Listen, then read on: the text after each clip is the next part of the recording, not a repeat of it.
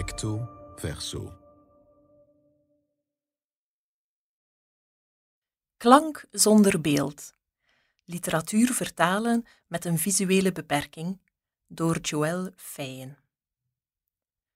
Maar weinig mensen weten dat Peter Handke, een Oostenrijkse schrijver en de Nobelprijswinnaar literatuur van 2019, heel wat literaire vertalingen op zijn palmares heeft staan.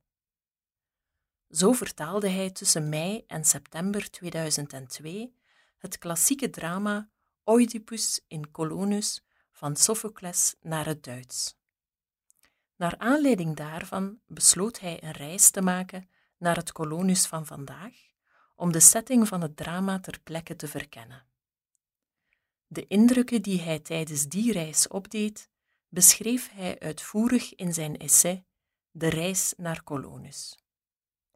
Kennelijk was het voor Handke essentieel om de setting, en aldus de context en de sfeer van het verhaal met eigen ogen te kunnen exploreren, om zich op basis daarvan een beeld of een voorstelling van de gebeurtenissen te kunnen vormen.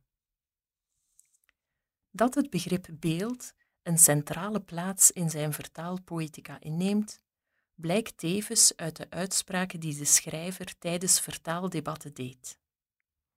Keer op keer benadrukte hij dat vertalen voor hem een complex proces is dat uit drie stappen bestaat. Eerst moet hij de zinnen van een brontekst in een vreemde taal begrijpen. Daarna moet hij wachten totdat die zinnen plaatsmaken voor een abstract beeld in zijn hoofd. En dat abstract beeld bepaalt tenslotte het ritme en de syntaxis van de vertaalde zinnen.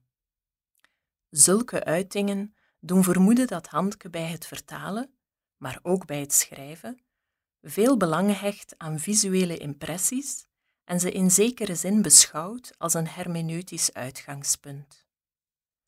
Maar betekent dit dan ook dat visuele waarnemingen per definitie niet weg te denken zijn uit het vertaalproces? Met andere woorden, zijn abstracte beelden of visuele voorstellingen in het hoofd van de vertaler noodzakelijk om een literair werk van de ene naar de andere taal te vertalen? Zeer zeker niet. Toch valt het niet te ontkennen dat de meeste vertalers zich een beeld proberen te vormen van de plaats waar een verhaal zich afspeelt. Sommige vertalers gaan op reis om de beschreven landschappen met eigen ogen te zien. Andere vertalers, veruit de meeste, maken gebruik van het internet om zich een visuele voorstelling te maken van landschappen, fauna en flora, van straten, bruggen en pleinen en van historische plekken of bouwstijlen. Hoe belangrijk de abstracte beelden die door een brontekst worden opgeroepen ook zijn, onmisbaar zijn ze niet. Daar kan ik als vertaler met een visuele beperking over meespreken. Ik kan niet ontkennen dat het soms een uitdaging is om de visuele omschrijvingen van een roman te vertalen. Immers, hoe vertaal je de omschrijving van een vallende ster als je dat natuurverschijnsel nooit hebt gezien? Hoe vertaal je beschrijvingen van New York als je de wolkenkrabbers van die metropool nooit voor ogen hebt gehad? Hoe kun je weten welk Nederlands woord je moet gebruiken voor een bijzondere plantensoort als je geen afbeeldingen van de plant in kwestie kunt opzoeken? Toegegeven, het is niet altijd gemakkelijk om met deze uitdagingen om te gaan. En ze hebben soms ook een impact op mijn vertaalsnelheid. Maar op de kwaliteit van mijn vertalingen hebben ze geen invloed. Integendeel, soms biedt het ook voordelen om blind met de tekst aan de slag te gaan. Doordat ik de brontekst in brailleschrift moet lezen en elk woord met mijn vingers moet voelen, werk ik bijvoorbeeld veel gedetailleerder en nauwkeuriger dan de gemiddelde vertaler. Iets wat de getrouwheid van de vertaling alleen maar ten goede kan komen.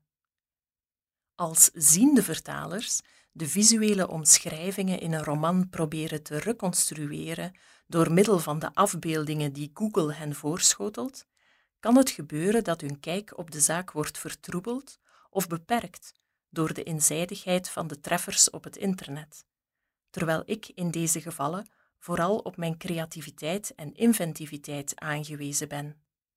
Soms leidt dit tot erg mooie en onverwachte vondsten. Kom ik er echt niet uit en heb ik hulp nodig, dan plaats ik een oproep op vertaalfora. Ik geef dan uitleg over de visuele omschrijvingen uit de brontekst en vraag hoe andere vertalers het zien. Mensen met verschillende achtergronden geven dan hun mening. En dit resulteert vaak in heel uiteenlopende ideeën en voorstellen, die ik vervolgens tegen elkaar kan afwegen.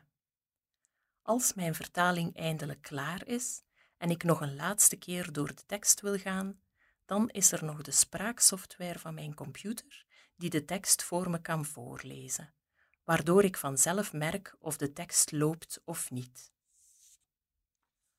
Ondanks de extra uitdagingen waar ik als blinde vertaler mee geconfronteerd word, ben ik wel degelijk in staat om literatuur te vertalen. Ik prijs mezelf gelukkig dat heel wat uitgevers tot hetzelfde inzicht zijn gekomen en me de broodnodige kansen geven. Bio. Joël Feyen, 1988, studeerde taal en letterkunde Frans-Duits aan de KU Leuven. De afgelopen jaren werkte ze aan haar doctoraat in de letterkunde, waarin de Nobelprijswinnaar literatuur Peter Handke centraal staat. Ze zal haar proefschrift in de herfst van 2021 verdedigen. Daarnaast werkt ze al een paar jaar als literair vertaler uit het Duits en het Frans. Voor meer info www.literatuurenvertalen.be